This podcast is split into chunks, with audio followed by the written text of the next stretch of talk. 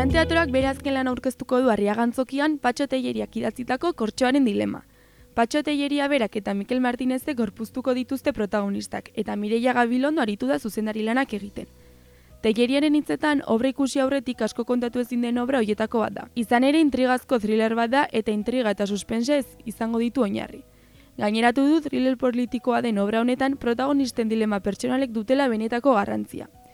Patxo Teieriak antzezlanak dituen sorpresak mantendu nahi izan ditu, baina hause bere hitzetan obraren abia puntua. Abia puntua e, oso simplea da, e, eta bakarrik abia puntua kontatu dezaket nago esan dudan bezala, thriller bat delako, irakasle mm, universidadeko katedratiko ospetsu eta mm, itzalandiko batek, Mikel Martinezek gorpuzten duena, ba, ezkerreko ezkerraren erreferente bat izan da gazte gazte gazteetatik.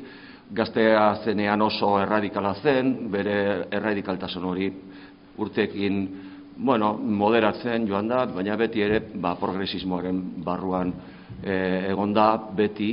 Eta azkeneko urteotan e, batez ere e, handiki aberats batek e, egin zuen donazio bat dela eta, hau da, e, donazio bat egin zuen e, e, ospitaletan minbizia tratatzeko ekipamendu oso punta-puntakoak e, erregalatu zizkion osasun publikoari irurun milioi eurotan, eta ekimen hori filantropiko, ekimen filantropiko hori goretxia izan zen, hainbat esparrutan, baina beste askok e, salatu egin zuten iruzur bat zelakoan eta e, zergak e, e, zergak ez ordaintzeko truko bat e, bueno, ba, truko bat zela, ez? Eta kasu honetan irakasle hau, e, universitateko irakasle ospetsu hone, be, e, nola edo ala aitzindaria izan da eta nabarmendu da salaketa horretan. Baina,